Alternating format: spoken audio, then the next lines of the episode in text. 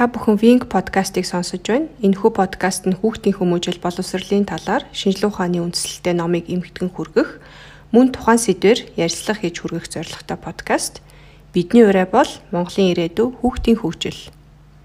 Сайн байцгаана уу хүндээ сонсогчдоо.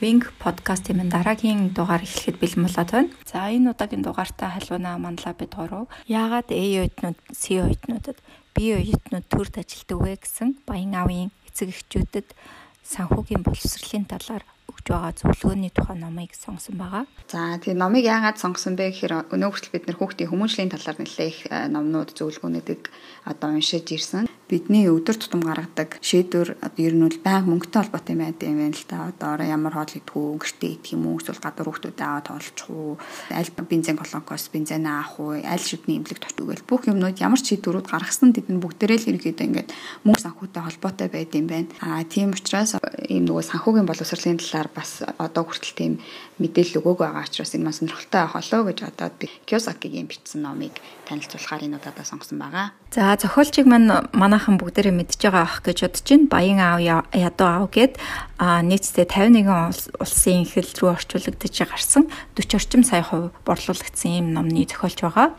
Тэгээ мөн одоо монголчууд мэддэг тэр бомтон гээд монополи гээд англиар хэлж байгаа тий энэ номыг санаачилсан тийм хүн байгаа. Баян Ав компани гээд үүсгэн байгуулсан энэ компани болохоор хүмүүст санхүүгийн боловсрал олгож сургалт семинар явуулдаг байгаа. Америкийн Хавайд амьдардаг Япон гаралтай хүн байгаа. Аав нь багш ээж нь совилогч юм байсан. За ном маань нэлээд урт ном байгаа. Эхний хэсгийг халиуна. Тэгээ цэвгээ манлаа гэсэн дараалалаар яриад явах юм байгаамаа. За хэрв та бүхэн одоо Кiyosaki-гийн бичсэн Баян аав, Ядуу аав гэд хэрвээ номыг уншиж исэн бол а санаа нь бол энэ номтой их төстэй байгаа. А өөрийнх нь төрсэн аав нь болохоор тийм докторийн зэрэгтэй багш хүн байдаг. Тэгээд ер нь бол хүүхдэд дандаа хичээлээ сайн хий. А тэгээд сайн их сургуульд ор. Тэгээд тхиим бол чи өндөр цалинтай ажилд орч чадна. А тэгээд цалингаасаа хуримтлуулад тэгээд тэр хуримтлаа одоо хувийн тэтгэврийн санд хөрөнгө оруул гэж одоо ингэж байнга захидаг байсан юм байна л да. Аа тэгээ тэр ядуу аав нь өөрөө болохоор 50-аас одоо байнга л хөдөлмөрлөж ирсэн те дандаа л ийм сургуульд багш хийж исэн те сүүлдээ сургуулийн захирал бол болдог. Аа тэгээд өөрийнхөө амьдардаг байраа болохоор орон сууцаа болохоор 50-аас 60 наснда дүнгэж одоо зээлийг хааж дуусгадаг. Тэгээ ер нь ингээ харахад нэг тийм дандаа л нэг тийм мөнгөний юм те одоо аа юутэй дутагдaltaй үрдэнд харагддаг байсан. А харин баян аав нь болохоор найзынх нь аав байгаа. А тэгээд тэр аав нь болохоор хоёр хүүтэй ингээд 9 наснаас нь эхлээд байнга одоо монопол тоглолдог байсан. За өдөр болгон бараг тоглолдог байсан тий. Тэгээд тоглоомоор дамжуулаад ер нь бол үл хөдлөх хөрөнгө худалдаж аваад тэгээд түүнийгээ түрээслэх юм бол эн чин чиний хувьд одоо жинхэнэ хөрөнгө болох юм а гэдгийг ойлгуулдаг. А үүнийгөө бол ингээд байн үгээр хэлээл тэгдгүү зүгээр ер нь тоглоомоор дамжуулаад хоёр хүүхэдтэй ойлголцсон. За тэгээд бас энэ аав нь болохоор хоёр одоо хүүхэдтэй ажил хай гэж хэлхийн оронд боломж хай гэж одоо байн хэлдэг байсан байна л та. За тэгээд энэ ном дээр нөгөө одоо ингээд хүмүүсийг дөрүүн те дөрвөн янзын одоо насанд хүрээтэй ямар ажил хөдөлмөр эрхэлж одоо ямар мөнгө яаж олж болох вэ гэдгээр нь дөрөв хуваагаад А тэгээд тэр дөрөв хуваасан бүлэг тус бүрт нь ингээд татврын тооцож үтсэн байна л та. За тэгээд энэ болохоор нөгөө Америкийн ном болохоор Монголынхоос арай ондоох. Тэгээд Монголын ер нь хөрсөн дээр буулгая гэж бодоод а Монголынхоор жишээ аваад тайлбарлая гэж бодлоо. За нэгдүгээр бүлэг нь болохоор ажилтан буюу одоо 9-6 хүртэл те яг ингээд нөө тогтмол ажилдаг. За энэ ажилтад болохоор ямар мөнгийг төлдөг вэ гэхээр за бид нар мэдээ нийгмийн даатгал гээд одоо 11.5% төлдөг те. За тэгээд тэрийг суутгасан мөнгнөөсөө дахиад бид нэр хүн амын орлогын албан татварыг 10% төлдөг. Тэгэхээр ингээ ойролцоогоор бараг 20 гаруй хувийг бид нэр улсад тушаадаг. Аа за хоёрдугаар бүлэг нь болохоор хуваараа хөдөлмөр эрхлэгч буюу за Монголд бол одоо аа лангуу одоо ажилуулдаг хүмүүс ч юм уу те Америкт болохоор яг уу шүтний эмч одоо хуулийн зөвлөгч гэдэг юм уу тиймэрхүү хүмүүсийг энэ бүлэгт оруулж байгаа юм л та. За тэгээд 3 дугаарх нь болохоор бизнес эрхлэгч буюу одоо аж ахуй нэгжтэй одоо компани байгуулад тэгээд түүнийг авч явж байгаа хүмүүс. За Монголд бол яг энэ хуваар хөдөлмөр эрхлэгч, бизнес эрхлэгч хоёр хоёрыг ижил гэж үзээд а тайлбарлахад бол За ингээд олсон орлогоосоо бид нэр одоо нөөтийн 10% гэж борлуулалтын орлогоосоо төлнө те. Тэгээл дахиад аж ахуй нэгжийн орлогын албан татвар гээл 1-ээс 10% төлнө. За тэгээд яг одоо компаниасаа одоо яг өөрийнхөө а өөрт одоо оногдож байгаа ашгаа гаргаж авахын тулд дахиад 10% төлнө. Ингээд баг те 20-с 30% татвар бид нэр төлдөг. За гэтэл одоо дөрөвдүгээр бүлэг буюу одоо энэ хөрөнгөтөн буюу яг хөрөнгө оруулагч гэдэг нь болохоор а ямар хүмүүс орох вэ гэхээр за үл хөдлөх худалдаж аваад тэрийг түрээсэлж байгаа хүмүүс тийм. За эсвэл компани одоо худалдаж авсан одоо компанид хувь эзэмшигчд гэсэн үг тийм. За эсвэл одоо хувьцаа ч юм уу бонд ч юм уу тийм ямарваа нэг юм үн цаасууд цаасанд хөрөнгө оруулсан хүмүүс. За ер нь тэгэл ийм нөгөө мөнгөн урсгал одоо байнга оруулж ирж идэг өөрөө одоо 9-с 6 6 цаг хүртэл хөдөлмөрлөхгүй ч гэсэн одоо ингээ мөнгөн урсгал нь орж ирж идэг одоо ийм хөрөнгө оруулагчд гэсэн үг. За энэ хүмүүсийн хувьд болохоор а жишээ нь одоо түрээсийн орлогоос бид нэр татвар төлөхдөө 1-ээс 10% төлдөг те. За компани хувьцаа эзэмшигч ногдол ашиг авъя гэх юм бол 10% төлнө. За тэгээ хувьцаа үнцаасанд хөрөнгө орууллаа гэхэд а одоо ашигаас нь те зөрүүнээс нь бид нэр 10% төлдөг. Тэгэхээр одоо яаж ч бодсон энэ дээдлийн 3 категориос а одоо баг 2 3 дахин ингээд баг татвар төлж байгаа болохоор ер нь бол хөрөнгө оруулагч маш их ашигтай байдаг юм а гэдгийг энэ ном дээр тайлбарсан байгаа. За тэгээ Монголд ч гэсэн ер нь Америктэй яг юм адилхан дүр зураг харагдаж байна л да. За тэгээд мөн санхүүгийн тайланг энэ ном дээр тайлбарсан байгаа. За санхүүгийн биш хүмүүст те санхүүгийн тайлан гэж одоо яг юу юм бэ гэдэг энгийнээр тайлбарлах юм бол одоо мөнгөн их ус үрийг те эсвэл та хөрөнгөөрөө бүрдүүлж болно эсвэл та одоо банкнаас зээл аваад ч юм уу те зээлээр бүрдүүлж болдог те тэгэхээр бол санхүүгийн тайланд нэг талтай хөрөнгө нөгөө талтай одоо үр төлбөр буюу зээл гэсэн юм одоо нөгөө хоёр санхүүгийн тайлан маань үндсэн хоёр хэсгээс бүрддэг За тэгээд мэдээж хөрөнгө нь зээлээсээ их байх тусмаа одоо таны санхүү сайн байна гэж гэсэн үгтэй. За тэгээд энэ хөрөнгийг яаж бий болгох юм бэ гэхээр танд бол одоо нэг л арга зам байгаа тийм энэ юу юм гэхээр та одоо зардлаасаа илүү давсан орлоготой байж иж тэр орлогоос хуримтлуулсан мөнгөөрөө та хөрөнгө бий болгож чадна гэсэн үгтэй. За тэгэхээр мэдээж нэгдүгüрт нь болохоор зардлаа хэмнэх юм байна. Хоёрдугаарт нь орлогоо өсгөх юм байна. А тэгээд зээлийг бол аль болох авахгүй бууруулах юм байна. А тэгээ хөрөнгөө нэмэгдүүлэх юм байна тий. Юм бол та одоо жинхэнэ хөрөнгө оруулагч болоод а илүү бага татвар татвар төлөөд одоо илүү одоо санхүүгийн одоо юу гэдэг чадвар чи илүү сайжирна гэсэн үг тий. За тэгээ энэ ном дээр болохоор Кiyosaki өөрийнхөө туршлагыг бичсэн байгаа юм л да.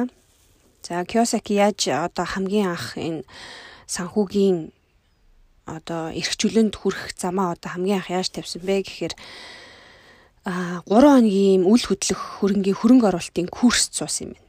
За тэгээд тэр курсээ дуусгачаад айгүй олон хүмүүс суусан юм байна л та. Тэгээд дахиад ийм 90 хоног ингээд нэг юм объект үнэлэхтэй тийм дадлага ажил хийлэгдэг багш нь. За тэгээ маш олон хүмүүсээс дундаас нь ингээд хүмүүс за за энэ юу нь миний хийх ажил биш юм байна гэнгээ хайж явсараад хоёр хүн одоо Киосакиг оруулаад хоёр хүн үлддэг. За ингээд нийт 90 хоногт аа манун болохоор 104 объект үнэлээд за тэгээд нэг объектыг нь сонгосон. За тэр объект нь болохоор нуурын эрэгт аа байсан нэг тийм объект. За тэгээд түүнийг болохоор а 18 мянган доллараар тухайн үед үнэлсэн байсан юм л да. Тэнгүүт нь одоо 10% болохтэй 1800 долларын нь уршлагыг нь банкнд банкнд төлөөд үлдсэнийг нь бол банкны зээлээр авдаг. За тэгээд тэр объект айгуу сайхан засч янзлаад тий ингээд бусдад түрээсэлдэг. За тэгээ мэдээж тэр түрээсээ орлохоор банкныхаа зээлийг төлсөн. За эндээс ямар хоёр ашиг орж ирэх вэ гэхээр нэгдүгüрт нь бол сар болгон түрээсээ орлого орж ирнэ тий. За хоёрдугаарт нь болохоор хэрвээ та үнэхээр сайн одоо үнэлээд тий а энэ ч болохоор нуурын эрэхт байсан болохоор үнц нь айгүй өссөн юм байна л да. За тэгээд хоёрдугаарт нь болохоор ийм үл хөдлөгийн үнц нь өөрөө өсөөд эндээс бас орлого олж ирнэ те. За эндээс ингээд мань хүн одоо гараагаа эхлээд ингээд цаашаагаа ингээд дараагийнхаа 2 дахь 3 дахь 4 дахь объектаа аваад түрээслээд тэгээд одоо түрээсийн орлого нь болохоор тэр хүнд ингээд байн горж ирдэг болохоор энэ түрээсэлж байгаа байрууд нь хөрөнгө гэсэн үгтэй. За ингээд нилээ хэдэн жилийн дараа бас нэг жишээ гарсан болохоор сонирхолтой жишээ нь болохоор 50 мянган доллараар одоо машин авъя гэд их нэртэйгээ ярилцсан байна л да. За тэгтээ энэ машиныг болохоор ингээд шууд бэлэн мөнгө төлөөд авахгүй а яаж авсан бэ гэхээр жижиг дэлгүүр худалдаж аваад тэгээд түүнийхээ түрээсийн орлогоор энэ машинаа авдаг байгаа. Тэгэхээр ер нь бол ямарваа нэгэн зардалтай том зардал гарахтаа эхлээд одоо орлогоо бүрдүүлнэ гэсэн зарчимтай. Тэгэхээр одоо энэ хүнд одоо орж ирж байгаа мөнгөн урсгал нь дандаа нэмэх байна гэсэн үгтэй. Хасах нь одоо багасна. Тийм болохоор одоо хөрөнгө нь одоо илүү ингээл өсөд яваад байна гэсэн үг. За тэгээд бас нэг хүмүүс айгүй их эндүрдэг юм нь болохоор энэ ном дээр бичсэн а өөрийнхөө одоо амьдрч амьдрах зорилгоор те худалдаж авсан байрыгаа бол хөрөнгө гэж үздэг.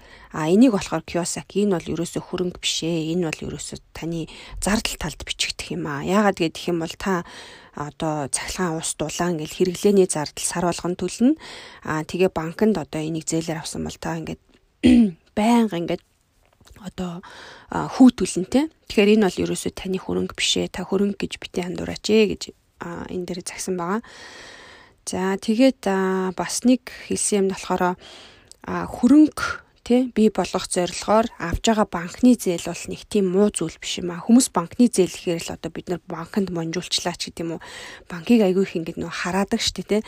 А энийг бол хэрвээ та үнэхээр одоо түрээсийн орлого чинь банкны зээлээсээ давах байдлаар тий тийм үйл хөдлөх хөрөнгө та а сонгож олж авч чадах юм бол эн чинь бол банкны зээл чинь бол муу зүйл биш ээ гэдгийг яар тайлбарлсан ба.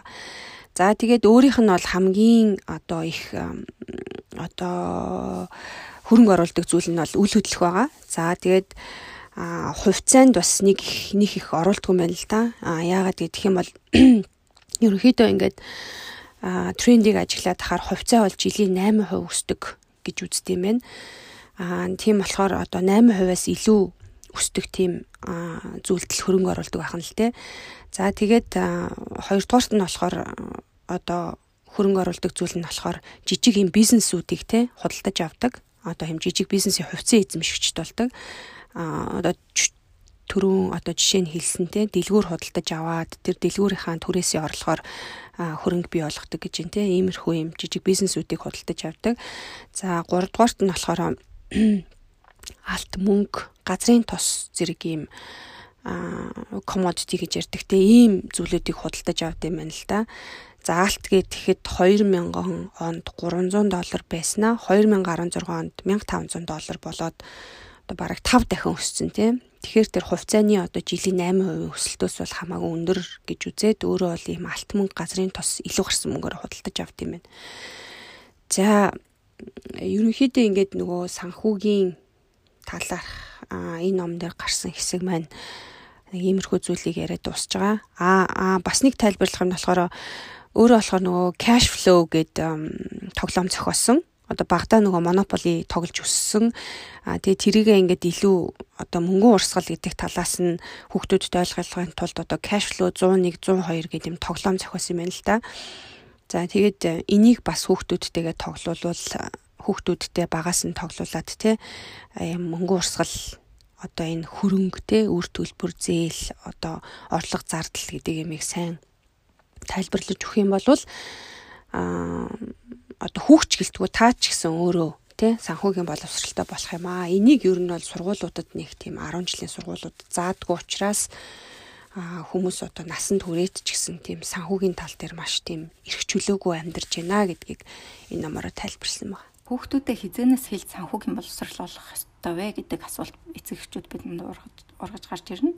А мэдээж хүүхдэдтэй аль болох эртнээ санхүүгийн боловсрал олгож эхлвэл хүүхдүүд маань илүү ашиг тустай байдгийм байна.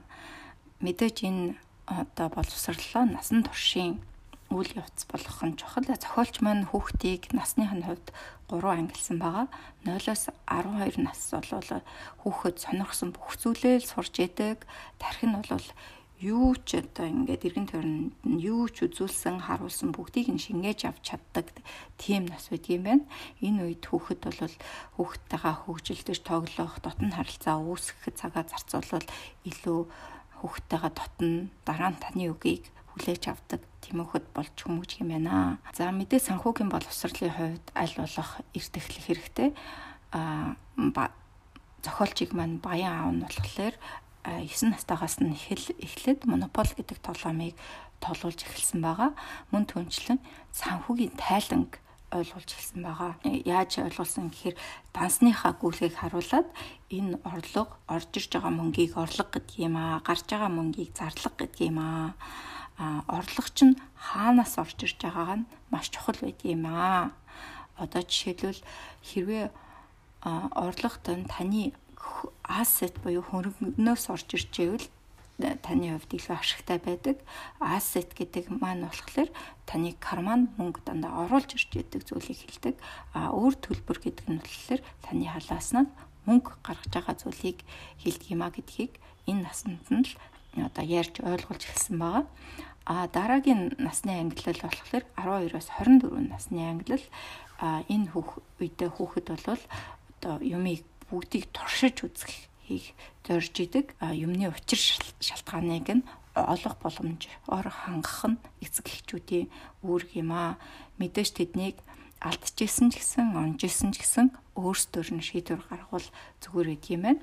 Зохиолчийн маань хувьд болохоор энэ насандаа хоёр удаа англи хэлнийхаа шалгалтанд дунсан мэдээж баян аавынх нь хувьд одоо санхүүгийн боловсролоо бол өргөлөөлөн өсөрлөөсөн баян аав нь компанитай хүн байсан болохоор хуульч, эдийн засагч, тэ нэгтлэн бодогч, архитектур, тэ олон мэрэгжлийн багаас бүрдсэн удирдлагынхаа багийн уулзалтуудад 7 өдрийн хасаа өдөр болгон оролцуулж байсан байгаа. Энэ уулзалтаар том хүмүүс яаж шийдвэр гаргадаг, одоо бизнесийн хувьд яаж шийдвэр гаргадаг одоо янз бүрийн хүмүүстэй яаж харилцах талаар одоо мэдлэг чадварыг олж авсан гэж зохиолч минь үзэж байгаа. 24-өөс 36 насыг бол эзэмсэн мэрэгжлээ яг амьдрал дээр турших нас гэж үзэж байгаа. Аа хэрвээ эмч мэрэгжлийг сонгосон бол ямар ямар мэрэгчлэр мэрэгших вэ? аль эсвэл сайн сурааг бол мэрэг ажиллаа ингээд солиол яваад байдаг ч юм уу те тийм байдал ажиглаад нь мэдээж энэ насанд хүмүүс шинээр одоо гэр бүл зохион байшин худалдаж авна. Ингээл нөгөө санхүүгийн шийдвэрүүд маань яг бодит байдал дээр өөрөө ингээд аваад явах цаг үе нэрдэг. Энэ үед бол таны хэлсэн одоо зөвлөгөөнүүдийг яг хэрэгжүүлж эхэлдэг байгаа. А зохиолчийн маань хувьд бол усан цэргийн албаа хаагаад Xerox компанид ажиллах боломж олдсон байгаа. Xerox компанид болохоор ажиллаад манай хүн нөгөө нэг хувилагч машиныг одоо зархаар айлын хаалга тогшоод явдаг байсан. Энэ үедээ бол хүмүүс авахгүй гэд хаалга хаахад бол өөрийнхөө сэтгэл зүй тэ ажиллаж ичиг байдлаасаа саалж тэ 2 жил одоо борлуулагч хийж яваад юм борлуулах одоо чадвар хийзэмсэн гэж зохиолч маань өөрөө үзэж байгаа тийм. Үүний дараа баян аавынхаа зөвлснөөр 3 хоногийн одоо хөрөн үл хөдлөх хөрөнгийн сургалтад суусан байгаа энэ нь бол бусад MBA-ийн сургалт ч юм уу те тэр сургуулиудаас маш их өөжтэй сургалт болсон гэж зохиолч минь үзэж байгаа. Ялангуяа те бизнес эрхлэгч одоо хөрөнгө оруулагч хүн болоход бол ихээхэн дэмжлэг үзүүлсэн гэж бодож байгаа. За ингээд эхний хэсэг маань дуусж байгаа. Манлаа маань үргэлжлүүлээд ярих бах. За дараагийн хэсэгтэр болохоор энэ онц сурдаг хүмүүс ер нь яагаад фейлддэг вэ? Яагаад амжилтгүй байдаг вэ гэсэн талаар ярьдаг байгаа. За тэгээ зохиолч маань хэлэхдээ онд сурдаг байна гэдэг маань бол ер нь хоёр талтай юм аа. За нэгэн талаараа болохоор сайн сурдаг байх юм бол сайн сургуульд ороод аа сайн ажилд ороод за тэгээ ер нь амьдрал нь ингээд тогтоод ингээд ерөөхдөө цаашдынх нь юм ингээд тодорхойлоод явцдаг гэж зааж идэг. Аа гэвч харамсалтай нөгөө талаараа бол амьдрал бол яг одоо сургуульд энэ заасан дүрмээр бол явдаггүй. Ингээд сайн хараад үзэх юм бол одоо дэлхийд ингээд алдартай болсон том бизнесмен хүмүүс одоо энэ алдартай хүмүүс гэх юм бол ийм тогтсон дүрм журамд цахирагдаж авахаасаа илүүтэйгээр өөрөө өөрсдийнхөө дүрмийг гаргаад өөрөө өөрсдийнхөө хүсэл сонирхлоор өөрсдийнхоороо ингээд алдаж онож явж байгаад тэр амжилтыг босгосон байдгаа. За тэгээд хүмүүс бас ярьдаг шүү дээ те энэ айгу ирээдүйтэй хүн энэ айгу тийм ирээдүйн айгу гялалцаж аваа хүн гэдэг хүмүүсийг яриад байдаг. Тэр хүмүүс нь ерөөхдөө ямар шинжүүд энэ хүмүүст нийтлэг байд юм бэ гэхээр өөрчлөлтийг хүлээж авах чадвартай, дээрэс нь эргэн тойрныхоо хэрэгцээ шаардлагыг бүрэн мэдэрдэг, шинэ боломж бололцоог бүтээдэг, бүтээлчэр нь хөрөх чадвар өндөртэй хүмүүс байдаг юм байна л да. Аа тэгжээд л харин энэ онц сурдаг хүмүүс болохдоо зөрөг ерөөсөө тогтсон ерөөсөө яг ингээд дараагийнх нь ажлууд нь хийх юмнууд нь тодорхой ерөөсөө таг таг таг гэх тэрийг хийгээл явж байхад ингээд болж яадаг ч юм уу те ерөөсөө яг нэг систем дотор л юм баригдсан юм үзэл бодолтой хүмүүс болчтой юм байна л да. Тэгээд энэ зохиолч маань өөрөө хэлэхдээ уламжлалт карьер гэж хэлээдсэн. Одоо ингээд нэлээд тогтцсон ч гэдэг юм уу те. Тэр нь юу юм гээд тэгэхээр ингээд айгу онц сурч байсан хүмүүс хуульч болоод ч юм уу эсвэл ангаахаар яваад имч болоод юм уу эсвэл юм инженер ч юм уу эсвэл няпон тэр төгсөөд тэгэл яг тэр салбартаа ингээд дараа дараагийнхаа амиг хөөгөө явцдаг гинэ. Аа тийм учраас энэ хүмүүс алхтаа зөрөг тэгж ямар нэгэн нөгөө түрүүний хэлжсэн айгу мундаг тэр дэлхийн шилдэг бизнесмэнүүд шиг ингээд янз бүрийн риск эрсдлийг өөр дөрөө хүлээж аваа шинэ юм туршиж үзээр алдаа алгоноол ингээд унаж босоод яваад байх чадвар нэлээд сул. За тэгээд тэр нь бас бас нэг зүйлтэй холбогдож байгаа нь болохоор одоо ингээд байн гонц сурдаг ийм хүмүүс ерөөхдөө ингээд сэтгэхүйн хувьд бол ингээд алдаа гарахаасаа нэлийн имзгэлтэй ерөөсөө за ингэж л их юм бол яг ийм байна гэд алдаа гарахаасаа амар тийм имзгэлдэг хүмүүс болчтой юм байна л та. Тийм учраас тэр чанар нь нөгөө нэг бизнес эрхлээд шинэ юм туршиж үзээд унаж босоод багт нь нөгөө хөлийг нь бариад боогдуулаад байдаг. Тийм учраас энэ хүмүүс бизнесийн салбарт буюу нөгөө би болон А гэсэн э, нөгөө квадрат байгаа даа шүү дээ. Тэр хэсэгт нь э, ерөөсөө тийм амжилттай оролцож чаддгаа гэсэн нэг тайлбарыг өгчээсэн. Би гэдэг нь болохоор бизнес гэж байгаа нь тий. А гэдэг нь болохоор А нь болохоор инвестор буюу хөрөнгө оруулагч гэсэн нэг юм энэ Kiyosaki чинь өөрөө яг нэг юм дөрвөн хэсэгт хүмүүс ингээд хуваагдаад байж байгаа. Тэрнээс шалтгаалаад ямар орлого оруулж ирэх үү гэдэг сонирхолтойгоор тайлбарлсан байдаг шүү дээ тий. А за тэгээд онц сурдаг хүмүүс онц сурлагтан гэдэг юм уу? Яагаад а бас ингээд байнга тийм амжилттай байдгүй гэдгийг тайлбарлсан бас нэг Харвардын нэг судалгаа байсан.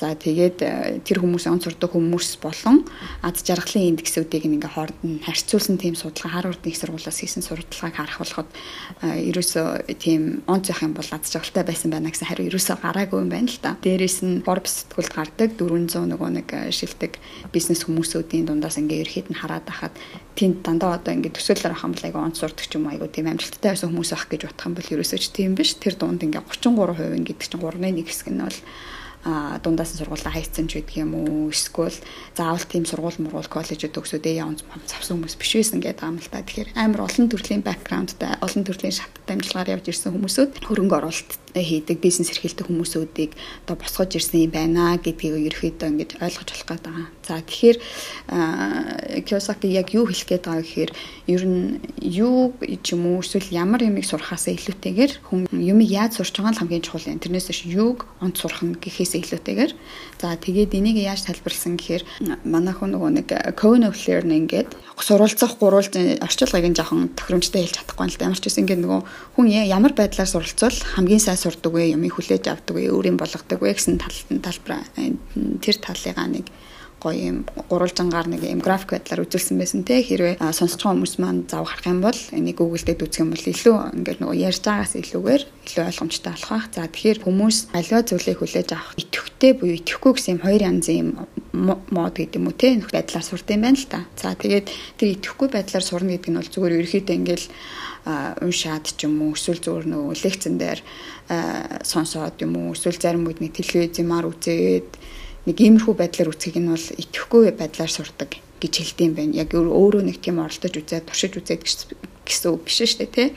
А эсэргээрээ нөгөө сонссон үтсэн зүйлээ ингээд хүмүүстэй яриад тэрнийхээ талаар ингээд презентац тавиад идэх ч юм уу.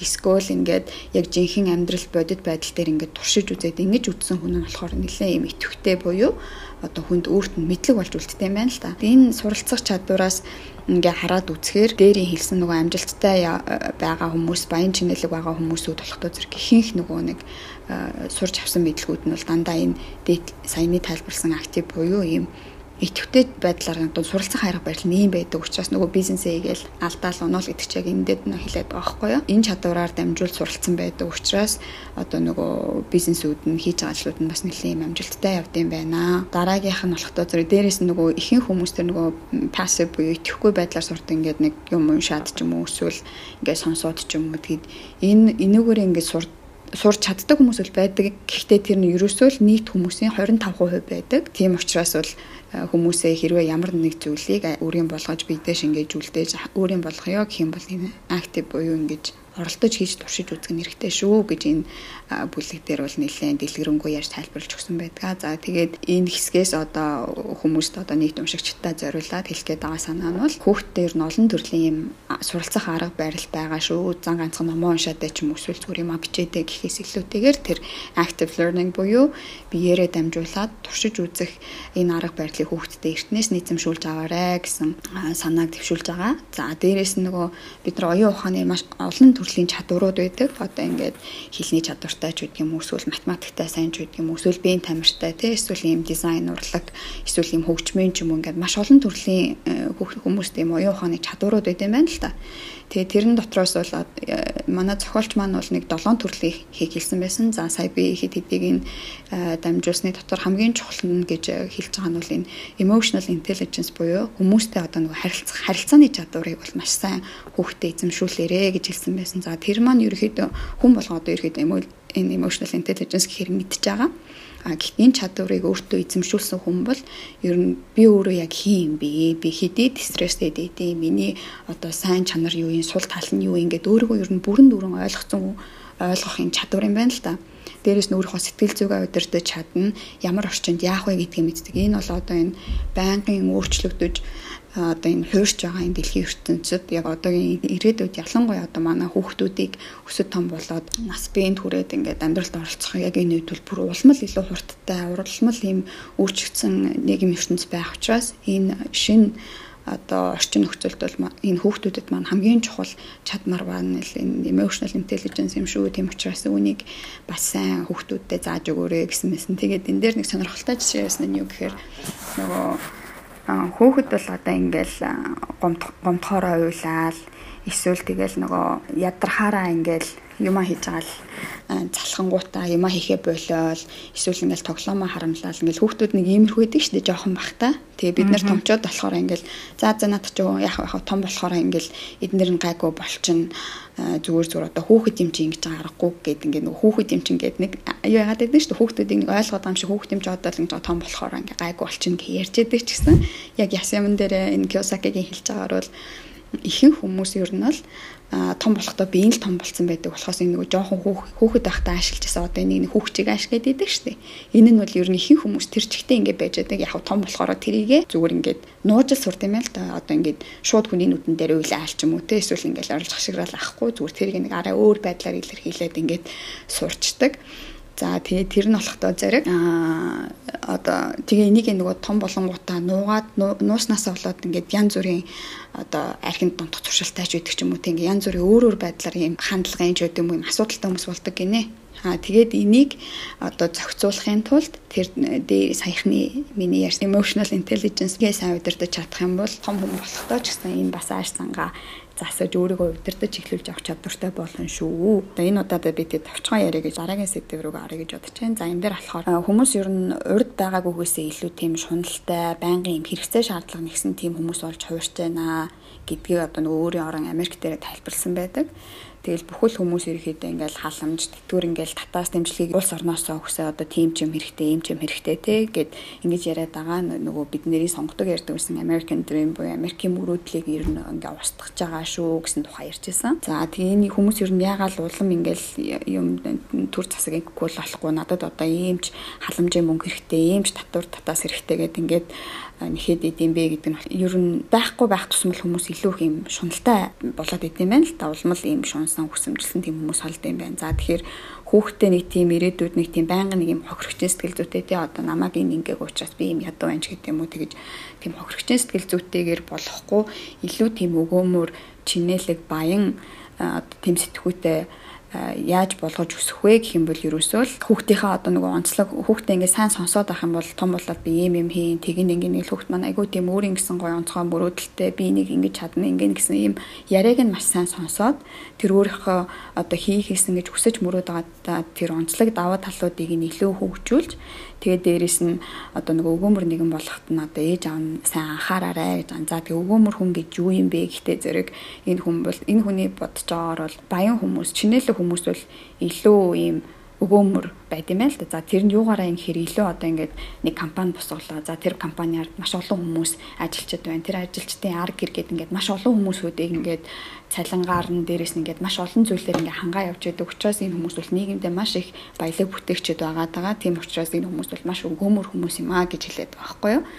За тэгээд энэ хэсэг дээр бас энэ нөгөө нэг хэрэгцээний юм таван төвшин байдгаа гэд яагаад манай уншигчид сайн мэдэх байх энэ Масловын ийм нөгөө дээшг ингээд өссөн ийм нөгөө хэрэг хэрэгцээний нэг юм нөгөө төвшингүүдийн тухай гардаг ш хамгийн доотлолт нь одоо үндсэн хэрэгцээ буюу ингээд хоол ундаар хангагдах орон байраар хангагдах гэ. За тэгээ хоёр дахь удаад нь гээд ингээд ингээд дэше шатлаар явдаг. Ингийн л нөгөө онц сурдаг. Тэгээл дээрээс нь зүгээр нөгөө нэг ажилчин болоод ингээд цалангаас цалангийн хооронд амьдрал явдаг хүмүүс үл ерөөсөө тэр нэг үндсэн хэрэгцээ буюу доороосоо хоёр дахь одоо хэрэгцээ дээр очиод гацчтай юм байна л да. Тэгээ тэрнээс илүү дэшээ сэтгэж гэж боддгоо тэндэ байхдаа ерөөс ингээ гаццсан байж байгаа. А тэгжээд баян жинэлэг хүмүүс ч нь бол бүр тэрний хамгийн дээдлийн тэр топ оргилд нь хүрсэн дан ганцхан өөрхөө хэрэгцээгч биш бусад хүмүүсийг ингээ гоё хангаад дээрээс нь ингээ бусад зөндөө олон гоё юм одоо тэр чин дан ганцхан материалын зүйлээс биш оюун ухааны хувьд ч гэсэн хүмүүсийг одоо ингээ гоё соён гэгэрээс хожил дураад ч юм ингээ бүр нэлээд тийм өргөн болчтой юм байлээ л дээ. Тэгээ тэр төвшөнд хүргэж очих талаар ярьдээ шүү гэсэн байсан. Дээрээс нь түрүүний нөгөө цэвгэгч ярьж хахад тэдний баян авч нөгөө өөрөө нэг тийм амар мундаг биш хэрнээ ингээл амар мундаг мундаг хүмүүсүүдээр хүрээл үлдсэн. Тэгээл айл болох салбарын шилдэг шилдэг хүмүүсүүдийг багтаа оруулаад ингээд ажиллаа хийгээд явуулаад байдаг шүү дээ. Тэр чинь болохдоо зөв яг л нөгөө баян чинэлэг хүнд байдаг ийм чадваруудын нэг бөгөө дээрэс нь бас ингээд дэрдах ийм скилтэй дээрэс нь одоо ингээд бүтээгдэхүүн гаргадаг хуулийн мэдлэгтэй хүмүүст хоорондоо харилцах одоо энэ communication skillтэй гэдэг олон төрлийн чадварууд энэ хүнд байх хэрэгтэй гэдэм байлээ. Тэгэхээр энэ бүгдийн талаар бас харж уншиж үзээрэй гэж хэлгээд байгаа. Саяны хэлсэнчлэн тэр амжилттай байгаа хүн байх юм бол ер нь мишн буюу зорилго нь тодорхой байд юм байна. Leadership skillтэй байд юм байна. Багаа сайн удирдах чаддаг юм байна. Ямар нэгэн бүтээгдэхүүн одоо нийгэмдээ чиглэсэн тийм бүтээгдэхүүн гаргахын хажуугаар хууль эрх зүйн бас маш сайн мэдлэгтэй. Дээрээс нь харилцааны өндөр мэдлэгтэй. Тэгээд тэр мөнгө төгрөгөө яаж орж гарах вэ? Мөнгөний яаж өөрийнхөө төлөө явах байх уу гэсэн юм санхүүгийн бас өндөр мэдлэгтэй. Энэ бүх юмнууд цогцороо байж одоо өндөр амжилттай тийм энтерпренер хүн болд юм байлээ шүү. Миний сайн нээсэн 7 дугаар бүлэгт гардаг байгаа. За ингээд дараагийн хэсгийг зөвгөөгч ярих бах. За ингээ номынхоо 2 дугаар хэсэг рүү шилжээ а энэ хэсэг болохоор ерөөсөө бидний одоо амьдралын одоо зорилго ч юм уу те санхүүгийн тайлан одоо зээл мөнгө гэдэг эдгээр ойлголтууд маань бас өөр одоо өнцгтэй байдгийм шүү гэдгийг тайлбарлаж байгаа. Жишээлбэл одоо ингээд сургууль тоо бодоол нэг дээр нэмэх нэг гээл тоо боддог штеп. Энэ тооны маань хариулт бол ерөөсөө 2 л гэдэг хариулт гардаг. А гэтэл бид нөр амьдралдаа тухайн нэг бизнес эрхлэлээ ч юм уу альсвал тухайн нэг ажлыг ажлын даалгаврыг хийлгэхэд хариулт нь ерөөсөө нэг байх албагүй гэдгийг хүүхдүүдтэй ойлгуулах шаардлагатай. Одоо жишээлбэл зохиолч маань болохоор бизнесээ 1980 онд эхлүүлсэн байгаа найзуудтайгаа. Тэгээд дунд нь одоо найзуудынх нь ар гэрийн асуудлаас болоод тэ бизнес нь унаал тэ тэгэл нөгөө асуудлаа шийдвэрлэх гээл явж идэл дахиад сайжраал анхаарлаа хандуулаагүйс болоод дахиад унаал тий бизнес энэгээр эхлээд а ийм амжилтанд хүрнэ гэсэн шулуун замын хариулт ерөөсөй байгаагүй тий зорилгодоо хүрэхин тулд олон өөр өөр сонголтуудыг хийж болно өөр өөр хариулт авч болно гэдгийг ойлгуулах нь зүйтэй байдгийм байна. Тийм болохоор хүүхдүүдтэйгээ өөрийнхөө санхүүгийн одоо түүхээ хуваалцаад энэ үед нь ямар шийдвэр гаргаад яагаад буруу болсон ямар шийдвэр гаргаад яагаад зөв болсон гэдгийг хүүхдүүдтэйгээ хуваалцж ивэл хүүхдүүд чинь тэгсэн одоо санхүүгийн талаар жоохон ч гэсэн ойлголт нь нэмэгдчихэд юм байна. Ном дээр бол орлого үрдэнгийн тайлан буюу тайлан балансыг ер нь одоо ихвчлэн авч үзсэн байгаа. Энэ хоёр тайлан бол хоорондоо маш их уялдаатай тайлан байгаа. Орлогын тайлан ба нэг талдаа орлого, нөгөө талдаа зарлага гэсэн бүтцтэй байдаг бол тайлан баланс нь нэг талдаа хөрөнгө, нөгөө талдаа үр төлбөр гэсэн бүтцтэй байдаг. Банкны зүгээс болохоор энэ тайланг энэ уншаад нөгөө хэрэглэгчтэй үнэлдэг юм байна л та. Ер нь хүмүүсийг яаж үнэлдэг гэхээр За санхүүгийн тайланг нь харах юм бол орлоготой мөртлөө хямд өрдгөөр амьдардаг. Гэхдээ ямар нэгэн хөрөнгө өр төлбөр байдгүй хүмүүсийг болохоор бага орлоготой хүмүүс гэж одоо банкны хувьд ангилдаг. Энэ хүмүүслэр цалингаас цалингийн хооронд амьдардаг. Санхүүгийн хэрэгцээ үүсэхээр те өндөр хүү те зээл авдаг ламбарднаас ч юм өдрийн зээл аваад гинтийн санхүүгийн асуудлаа шийдвэрлэждэг хүмүүс байгаа. За хоёр дахь бүлгийнх нь хүмүүсийг болохоор банкны зүгээс орлоготой. А зарлага нь болохоор татвар, байр, машины зээлдээ амьдралын зардал гэсэн зүйлээс бүрддэг. А дундад орлоготой хүмүүс байгаа. А тайлан балансыг нь харах юм бол хөрөнгө буюу asset нь asset талдаа хадгаламжтай тий. Үр төлбөр талдаа байртай, машины зээлтэй тий. Аль эсвэл бүр татварын тэтгэврийн сангийн бүр төлөлттэй ийм хүмүүс байгаа. Ийм дундарч орлоготой хүмүүс арай илүү мөнгө олдог мөртлөө зарлагын хэмжээ нь илүү өндөр байд юм байна. За 3 дахь бүлгийн хүмүүсийг одоо харах юм бол орлого үнэтэнгийн тайланг нь харуул орлого нь одоо өөрийнх нь хөрөнгөнөөс буюу асетнаас нь орж ирж идэг. Мэдээж тэр хүнд хөрөнгийн одоо хэрэглээний зардал гарна. А тайлан балансыг нь харах юм бол хөрөнгө талдаа үйл хөдлөх хөрөнгө бизнестэй одоо өөр төлбөргүй ийм хүмүүс байт юм байна. Тэгэхээр хүүхдтэйгээ тэр бунтан тоглоомыг тоглоод банкиринуудээр санхүүгийн тайлан уншиж зургатан туслах хэрэгтэй. Мөн өөрийн санхүүгийн тайлан хүүхдтэйгээ хүүхдтэй тайлбарлаж өгөх хэрэгтэй. Орлого нь хаанаас урж ийн, зарлага нь юунд гарч ийн, хөрөнгө нөгөө asset маань ерөөсөө байшин байж болно те байшин түрээслээд орлого олж болно шүү дээ. Байшин дотроо амьдарч гин гэдэг бол тэр хүний одоо хөрөнгө болж хувирахгүй байна гэдгийг хүүхдэд ойлгуулах нь чухал гэдэг юм байна. За дараагийн одоо баян шунал гэдэг ойлголтыг бас өөр өнцгөөс тайлбарладаг. А баячуу чуналтай гэдэг гэллэг ерөнхийдөө нийгэмд байдаг шүү дээ тий. Үүнийг ойлгохын тулд хоёр аавынхаа санхүүгийн тайланг харьцуулаа харсан байгаа. За ядуу аав нь бол нэг ч ажлын байр бий болгоогүй хин нэгэнд орон байр бэлдэж өгөөгүй те хэдийгээр ядуу аав маань хүн ажилд авдагч тэднийг халах ирэхгүй за баян аавын хувьд болохоор олон зуун ажлын байр бий болгож олон зуун айлыг байр оронтой байлгасан. Илүү олон хүнд үйлчилж илүү мэрэгшиж илүү үр ашигтай өөрийнхөө бизнесийг бий болгодог. Ингээд харах юм бол олон хүнд ажил олгож олон хүнийг орон сууцаар хангаж байгаа баян аав нь шуналтай биш харин эсэргээрээ маш өвлөгч хүн болж хуурж байгаа. Харин ядуу аав нь болохоор зөвхөн өөрийнхөө байрны төлөө өөрийнхөө тэтгэврийн төлөө ажиллаж байгааг нь харах юм бол ядуу аавд нь шунаал сэтгэл агуулгадж байна гэж зохиолч мань тайлбарлаж байгаа. Ер нь бол сайн сураа, сайн сургуульд ороо, тэгээд өндөрт цалинтай ажил хий гэд энгийн гэр бүлд бол хүүхэдтэй заадаг бол бизнес хөрөнгө оруулагч гэр бүлд бол хүүхэдтэй сургууль суур аль болох олон хөрөнгөтэй бол гэж заадаг ялгаа байдаг юм байна. Хүүхдтэй өөмөр сэтгэл гэдэг нь бол тоглоомоо хуваалцах, альсвал аав ээжтэй саад болохгүй байхыг ойлгуулах хэрэгтэй. Мэдээж мундаг бизнесмэнүүд олон зуун ажлын байр бий болгож шинийг санаачлаж их орондоо их дэлхийдээ маш их хэмжээний баялаг бүтээж байгаа. Тийг тайлбарлаж өгөөрэй. Дандаа одоо баян хүмүүс бол шуналтай байдаг гэдэг өнцгөөс нь битгий тайлбарлаарай. За зээлийг бас өөр өнцгөөс нь тайлбарласан байгаа. Хүмүүс зээл муу гэдэг ойлголттой байдаг. Хэрв санхүүгийн ухаантай бол нөгөө зээлийн нөгөө нэг тал нь болохоор зээл таныг татвараас чөлөөлөг чөлөөлж өгдөг. Одоо таны мөнгийг хэмнэж гин гэсэн үг те нөгөө талаар. Мэдээ зээлийг зөв ашиглахгүй бол мэдээж да. Зээлээс зээлийн хооронд амьдран санхүүгийн зардал нь өндөр гарна. А гэхдээ мөнгөө хэвлээ мөнгө хэвлэж байгаа одоо инфляцийн түвшин маш их байгаа өнөө цагт бол мөнгөө хадгалах нь одоо тэнэг тэнэг үйлдэл юм аа. Хүмүүс зээлийг хөрөнгө худалдаж авахынхаа оронд өөр төлбөр худалдаж аваад байдаг юм байна л да хөрөнгө гэдэг маань болохоор нөгөө таны карманд одоо орлого оруулж ирж байгаа зүйлийг хэлдэг шүү дээ. А өөр төлбөр гэдэг маань болохоор нөгөө хэлбэл байрны зээл, машины зээл, байрны одоо хэрэглээний зээл гэдэг дээ. Сургалтын зээл гээл тэ. А эдгээр зээлүүд болохоор мэдээж банкныхаа зүгээс харах юм бол банкуудыг одоо банкнд мөнгө хийж өгөх банкны одоо бизнес загвар нь байгаа.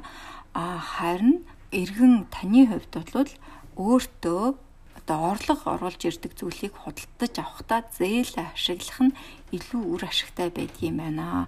Жишээлбэл худалдааны талбай худалдаж авч болно. Аль эсвэл байр худалдаж аваад өөртөө пассив орлого буюу өөртөө орлого оруулж ирэх зүйлтэй зээлээ ашиглах нь зүйтэй байдгийм байна мэдээж банкуд те зээлийн карт авбал танд одоо ямар хямдрал үзүүлнэ гээл нөө худалдаа авалтын авалт хийх сэтлүүдийг төрүүлээд байдаг шүү дээ те. Энэ нь бол нөгөө талаар та ингээ мөнгөө хадгалуулаа мөнгөө хадгалуулсны чинь дараа танд зээл өгөө тэгээд тэр зээлийнхаа хүүгээр бид нар ашиг олно гэсэн одоо банкны банкны бизнес загвар байдаг.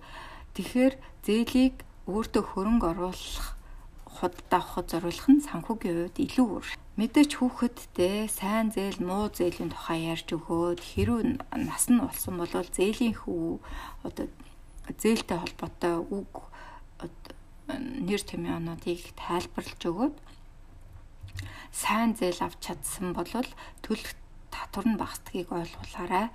Хэрв та Үүнийг ойлгуулж чадвал хүүхэдт нь насанд хүрэхээр зээл нь баригдахгүй, зээлийн сайн талыг ойлгон санхүүгээ зөвөр удирдах, баялагийг бүтээж чадах болно. За мөнгийг бас өөр утгаар өөр нөгөө өнцгөөс нь тайлбарлсан байгаа. Мөнгөний талаар зөв бодол үг яриаг одоо гэртээ хөвшүүл зурах хэрэгтэй. За мөнгө үг хүнийг одоо ангааж чаддаг, гомдооч чаддаг, хөөж чаддаг шүү дээ. Тийм болохоор мөнгөний талаар зөв ойлголтыг үгээрээ тайлбарлаж өгөх юм бол хүүхэд чинь одоо мөнгөний асуудалтай дандаа байгаад байдаг тийм хүнтэй хүн болж төлөвшөхгүй юм аа. Үл хөдлөх хөрөнгө зарж байгаа хүн дээр очиол те. За энэ байшинг авъя гэж очихоор нөгөө үл хөдлөх зарж хөрөнгө зарж байгаа хүн маань за та энэ байшинг энэ байшин бол таны хөрөнгөө энэ бол таны амьдралдаа хийх хамгийн сайн хөрөнгө оруулалт болох юм а гэж хэлж байгаа боловч нөгөө талаасаа яг одоо үл хөдлөгч хөрөнгө борлуулж байгаа хүнийхээ талаас харах юм бол энэ байрыг та худалдаад авчгаа би зарсан одоо хөрөнгийнхөө хувийг одоо өөрийнхөө орлогыг авмаар байна. За өөрийнхөө хувийг авмаар байна. Банкны зүгээс харах юм бол та мөнгө хадгалуулаа бид танд цаашдаа одоо өөр зээл өгч зээлийнхээ хүүгээр бид нэр орлого олмоор байна гэдэг ч юм уу тийм үнцэг байдаг гэдгийг хүүхдэд бас ойлгуулах нь зүйтэй байдаг юм байна. Тэгэхээр мөнгө яг өөрөө юу гэж хэлж байна? Наанта цаантай нь бодож одоо зөв буруу талыг нь сайн тунгааж байж одоо мөнгөтэйг мөнгөнийхөө шийдвэрийг гаргаж байгаарэ гэсэн санаа байгаа маа тий. За тэгээд эцэст нь одоо баяа аав нь болохоор Кёсаки найз хоёрыг нь гэртээ би үүнийг худалдаж авч дийлэхгүй гэдэг одоо үгийг гэртээ хэрэглэхийг одоо хорьсон байдаг. Яагаад тэгэхээр энэ үгийг одоо ядуу буюу одоо poor гэдэг тий хүмүүс маань илүү хэрэгэлдэг юм аа. Тийм болохоор ийм үгийг хэрэглэж сурах ёсгүй гэж одоо хоригддаг байсан байгаа мөн одоо санхүүгийн тол бичиг гэж байдаг шүү дээ. Бүр тийм тол бичгийг аваад одоо санхүүгийн үг хэллгүүдийг одоо ерөнхийгээс наривчлан хүүхдүүдтэй ойлгуулж өдөр тутамд нь хэрэглүүлж яриулж сургах нь зүв байдгийм байна гэж зөвлөсөн байгаа. За тэгээд дараагийн парт 3 4 гэсэн хэсгийг ярина. За би ярихдаа бүгд хоёр хоёулангийн нэгтгээд ярьчих гэж бодож байна. Ягаад тэгэхээр 3 дугаар бүлэгт маань болохоор ерөөхдөө сая өмнө ярьсан бүх санаануудаа ерөөхдөө дахиж нэг базаж хилээд аа тэгээд зохиолч маань сүүлийнхаа хэсгээр нь одоо өөрөө энэ номныхоо дүгнэлт байдлаар бичигдсэн байсан учраас би ерөөхдөө энэ хоёрыг нийлүүлээ ярьчих гэж бодож байна. За тэгээд 3 дээр болохдоо зэрэг ер нь сая өнөөг хүртэл хэлэх гээд байсан санаануудаа ерөөхдөө 10 хэсэгт хуваацсан байсан. За тэгээ юу юм бэ гэхдээ зэрэг ном ном дээр маань ярьдаг те ингээд нөгөө олон төрлийн юм юунууд байдгаа орлогод байдгаа зүгээр ингийн цалингаараа авч одоо ингээд нөгөө хүн ажилласан цагтаа тааруулж тэрэндээ дарсан мөнгөө авдаг зөв ингийн орлоготой те цалингаас цалингийн хооронд одоо ингэж ажилтдаг ийм төрлийн орлого байж болно за эсвэл эсэргээрээ нөгөө юу аваад үнэт цаас худалдаж аваад тэрийгээ зарж орлуулад хямдрахаар наваад үнэтэй болохоор зараад тэр хоорондоос ашиг олдог ч гэдэм үү те өөртөө портфолиос гээд ингэж ажиллаж орлого олдог байж болно. Эсвэл нөгөө бүр хамгийн сүүлийн буюу татвар хамгийн бага төлдөг пассив буюу мөнгө нь өөрхөн төлөө ингээ унтчихсэн ч гэсэн өөрт нь орлого оруулаад байж байгаа. Тэр хүн заавал мөнгө олохын тулд ингээд босоол заавал өглөө 8-аас орой 5 цагийн хооронд ажиллах шаардлагагүйгээр ингэж орж идэг. Янз бүрийн олон төрлийн орлого байдгаа тэгэхээр хэрвээ чи өөрийнхөө амьдралыг өөрчлөөд мөнгө чинь чиний төлөө ингэж ажилтдаг ийм хүн болохын тулд одоо яаж ингэж шилжилт хийж болох вэ? Яаж өөрчлөгдөж болох вэ гэсэн талаар ярьсан. Энийгээ бас дахиад нэг ревю хийгээд ярьсан байсан. Аа за дээрэс нь хүмүүс яаж илүү өгөөмөр байх вэ? Төрөний нөгөө хэлжсэн шүү дээ. Нөгөө баян аав нь яаж ядуу автаа харьцуулах юм бэл илүү тийм өгөөмөр байгаа юм бэ? Тэгэхээр чи яаж илүү одоо байгаагаас илүү тийм өгөөмөр тийм өглөгч хүн болж чадах вэ гэсэн талаар бас дурдсан байгаа.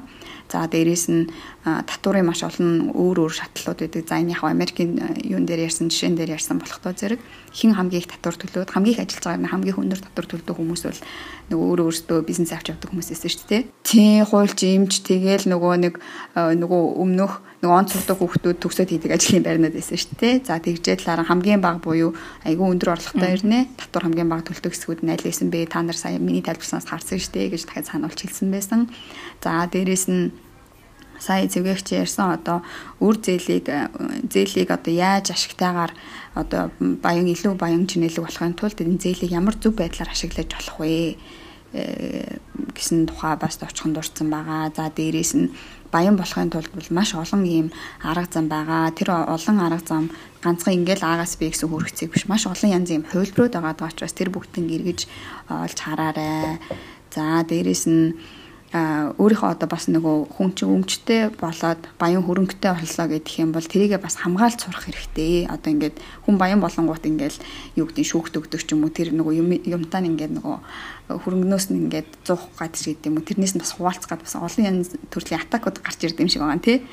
За тэрэндээс одоо яаж өөрийнхөө ийм юугаа хөрөнгөө хамгаалах вэ? Тэрнтэй хамгаалахын тулд ямар ямар ийм мэдлэг мэдээлэл юу юу чамд чухал байх вэ гэсэн талаар одоо зааж өгсөн байсан. Хүмүүс ч нөгөө нэг одоо ингээл манай Монголд ч баг 65 хүрээд илүү ингээд тэтгэврт гартлан за тэтгэвэр хүртлээ одоо ингээд ажиллахгүй болохгүй гэдэг ерөөхдөө нийтлэг юм нэг ойлголт хийдэг шүү дээ. Тэгж яхад энэ хүн болохтой зэрэг аль болохон эртгэн тэр тэтгэвртэйгаар буюу ерөөсөө нөгөө санхүүгийн эрхчлөөнд хүрээд одоо цалингаа хүлээгээ сууж авах зүгээр мөнгөчин чиний төлөө ажилдаг бүх юмаа чөлөөтэй хийдэг цаг хугацаанд баригдахгүй хамгийн гол нь хүнд бол чухал юм бол freedom буюу юм чөлөөтэй эрх чөлөөтэй байдал байгаа. Тийм учраас эртгэн өөрөөсөө тэр чөлөөлөд санхүүгийнхаа эрхчлөөнд хүрээрээ гэсэн санааны тухай бас ярьжсэнаа дахиад автаж гарч ирсэн байгаа. За тэгээ ерөөхдөө 3 дугаар бүлгийн тухайд бол ийм байгаа даа. За дээрээс нь ер нь хүүхдүүдээ энэ бүх процессуудад эртнээс нь оруулжээ. За жишээ нь гэх юм бол ингээ хүнсний зүйлээ авах гад ингээ бид нарт дэлгүүр явдаг шүү дээ. Тэр үедээ за одоо ямар ч байсан энэ удаа ингээ худалдаа авалт хийхтэй. За тэдэн тэдэн төгрөг одоо аавна гэдээ одоо манайх иймэрхүүдүүд төсөвтэй байгаа шүү тэгсэн гэсэн одоо тэрнээс энийг нь тэглээ инглээ хүүхдтэйгээ сайн яриад за нэг 100 мянган төгрөгөөр нэг викенд одоо ийм шопинг хийчихье гэж бодож байгаа бол за одоо 89 мянга болчлоо. Энийг нэг ингэсэн учраас ингээд ингээд тэдэн төгрөг хэмжлээ ч юм уу эсвэл эсэргээр нь төлөөлж гарсан мөнгнөөс арай илүү үрчлээ яагаад гэлээ гэвэл инглээ инглээ хүүхдүүдтэйгээ бүр нэлээд тоочны дэлгэрэнгүй ярих хэрэгтэй юм гинэ. За тэгээд зарим жишээн дээр нь бүр энэ хин Кiyosaki чинь бүр амар ийм брокерийн бүс хүмүүс дагуулж очиж тэгээд тэр нөгөө санхүүгийн хиллэг мэллэгийг ингээд амар сайн сонсгож ярмэр гэж одоо нөгөө хүүхдүүдийн наснаас бас атлах л ах л та.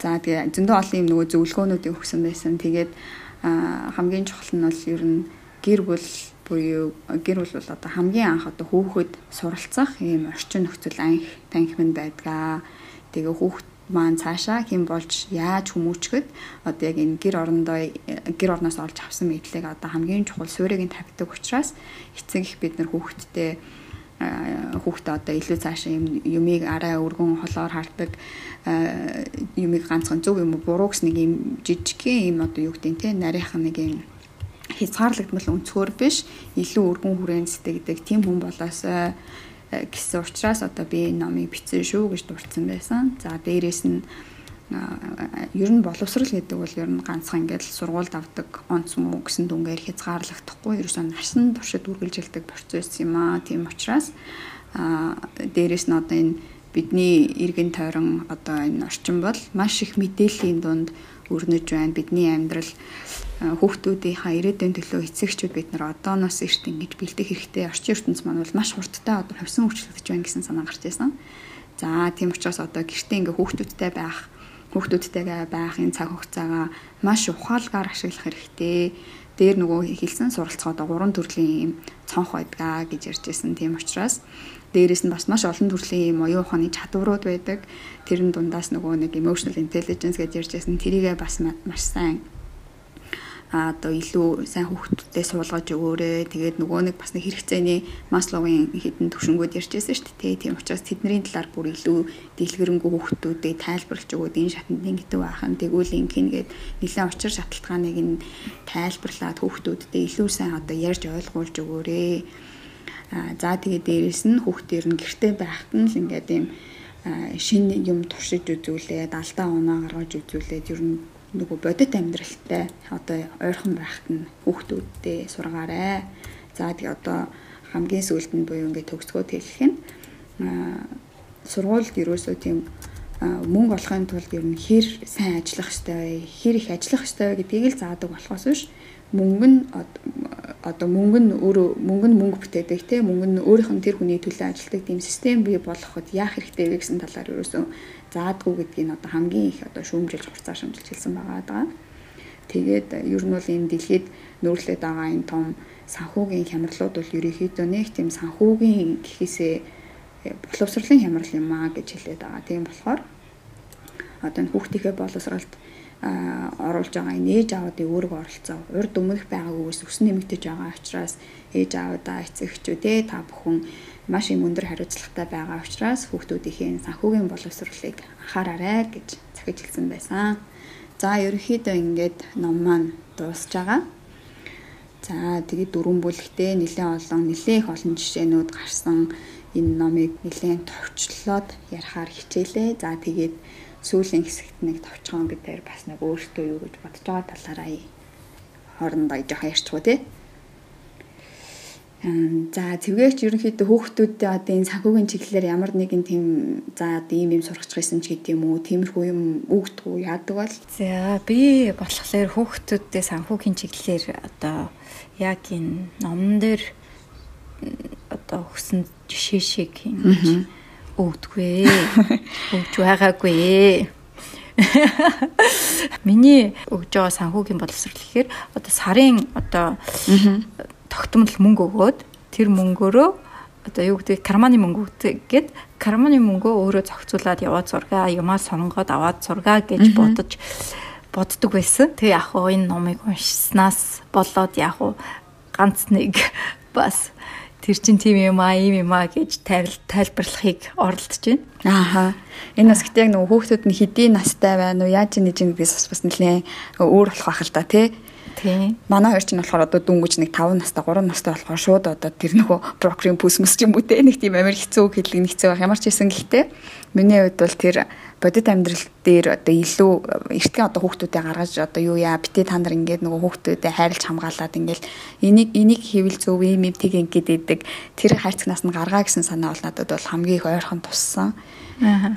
Тийм. За та ер нь энэ номноос одоо ингээд шүүрээд авах хамгийн одоо юм гурван шилдэг санаа байна гэдгийг бол одооноос ингээд за энийг яг амьдралтаа хэрэгжүүлээд явъяач гэдэг юм уу гурван санаа гэвэл та юу юу нэрлэх вэ? Баяа маань хүүхдүүдээ нэг 13 4 настайгаас нь илүү компанийнхаа нөгөө нэг үйл ажиллагаанд нь оруулаад менежментийн хуралд нь оруулаад тэгээ явдаг байсан гэсэн шүү дээ. Тэр санаа надад их таалагд хүүхд чи яг л жинхэнэ туршиж сурдаг гэдэг дагаад шүү дээ тий. Нөгөө гурав сурах суралцах гурвалжингийн дагуу. Хүүхдүүдтэй бас багаас нь ойлгуулахгүй бол зээл гэдэг чи юу юм бэ? Нэг тийм холын юм шиг тийм хүүхэд өсгөөд ээ нөө юм амьдралаас хол тий. Тий, тий. Бодолцож үзчихье да гэж бодсон л доо. Би болохоор ямар ч байсан тэр нөгөө э, юмыг альва юмыг зөв юм уу буруу гэдэг ингээ ганц хоёрхан юмар хар цагаан гэдэг шиг тий. Ингээд э, юмыг битээ тэгж амар хязгаарлагдсан тийм жижигхэн битээ юмыг хараач гэсэн надад маш амар юм нөгөө амар сайн туссан байхгүй юу. Тэгэл одоо нөгөө э, манай охин маань жоохон байгаа болохтой зэрэг одоо ингээл нэг жоохон гэрийн даалгавар малгавраа гэл буруу муруу хийчлэг хэр амар яана ээжээ би ингээ буруу хийчлэг гэл ингээд тэрийг амар хүн дээр хүлээж аваад идэх байхгүй. Тэгээ би бодсон чинь яана нөгөө бод сурдаг хүүхдийнх нь игнэнд орсон нөгөө алдаа хийж чадхаар айдаг майдаг нь болцсон юм шиг байгаа даа. Ямар ч байсан миний хувьд хамгийн амар түрүүнд шүрч авсан санаа бол тэр байгаа даа. Тийм болохоор хүүхдээ алдаа хийсэн ч гэсэн хамаагүй ингээд дахиад оролдоод үзэсвэл өөрөөр хийх юм арга зам байгаа тийм юм гээд тэр талаар илүү сайн ямар ч ус одоохондоо юм жоохон байгаа юм чинь. Тэр одоо юм чадварыг нь жоохон хөгжүүлэнгүүтээ бас энэ нөгөө гэрийнхаа санхүүгийн Э, ийм ойр зүрийн ингээл нөгөө янз бүрийн ийм шийдвэрүүд гар бидний бүх шийдвэр ч одоо мөнгөтэй холбоотой яриад байгаа шүү дээ. Тэгэхээр одоо ингээ ядчил дэлгүүрт агуулж авсан ч гэсэн ийм ийм яагаад ээж нь энийг худалдаж авчаа ийм тийм гэж юмнуудыг бид нар ч нь болохоор том хүмүүс юмцэн цааш чадуугаа гэл нэг амар иймэрхүү нарийн ширээ юмд оруулдгүй шүү дээ. Тэгэхээр энийгээ багаас нь илүү оролцуулаад бас нэг жоохон тэр нэрээ мөнгө төгрөгийн асуудлыг жоохон араа эрт баг наснаас нь гэсэн жоохон ойлгуулж авъя даа л гэж бодож байна. Тэгээ ер нь одоо ингээ хараад үзэхэр их сургуулийн жууд юм уу? Эсвэл ингээ 10 жилийнхаа хүүхдүүд мөхтүүдийг бодоод үзэхэр нэрээ ялтчгүй тийм нэлээм тэр нөгөө хүмүүст харилцах чадвар айгүй сайн тий заавал тийм онц сурдаг тийм хамгийн топ сурдаг хүмүүс нь биш байсан ч гэсэн одоо ингээд айгүй тийм хүмүүстэй emotional intelligence гэдэг нь айгүй мундаг сайн хөгжсөн байсан. Маш олон найзын хүрээлэлүүдтэй ч гэдэм үү тий тийм хүмүүс маань одоо ингээ харахаар харьцангуй тийм гоё бас л нэг амьдрал дээр ч гэсэн бас тэгээ айгуу мундаг гоё ялцаа явж байгаа учраас бас хиний энэ Киосакигийн хилээд байгаа санаа нь бас зарим талаараа ортой ах л гэж бодсон. За яг уу миний хувьд нэг жоохон шүмжэлтэй ч гэдэг юм уу? Эсвэл нэг амар таалагдав. Заавал хүн болгон тийм амар нөгөө бизнесмен ч юм уу те? Эсвэл заавал тийм хөрөнгө хөрөнгөдөн хөрөнгө оруулагч болох заавал албагүй шүү дээ тий заавал тийм өндөр амар орлоготой байгаа л. Тэгэл энэ бүхнийгээ бас менеж хийх мэх нь бас айгүй хэцүү юм шиг. Надад бол би өөрөө жоохон хувь хүн талаас залхуу болохоор тийм ч юм уу надад бол арай л төм ач юм шиг санагцаа. Аа. Тийм тэгэл яг нөгөө сонсож байгаа хүмүүс маань өөрсдийнхөө нөгөө авах гэхийн ухаанаар хандаал яг хэрэгтэй юмнуудаа аваад онц хөгсөн юмнуудаа хаяал явчих байх л та тий. За ингээд энэ хүртэл сонссон сонсогчдод баярлалаа. Дараагийн дугаараа уулзцгаая.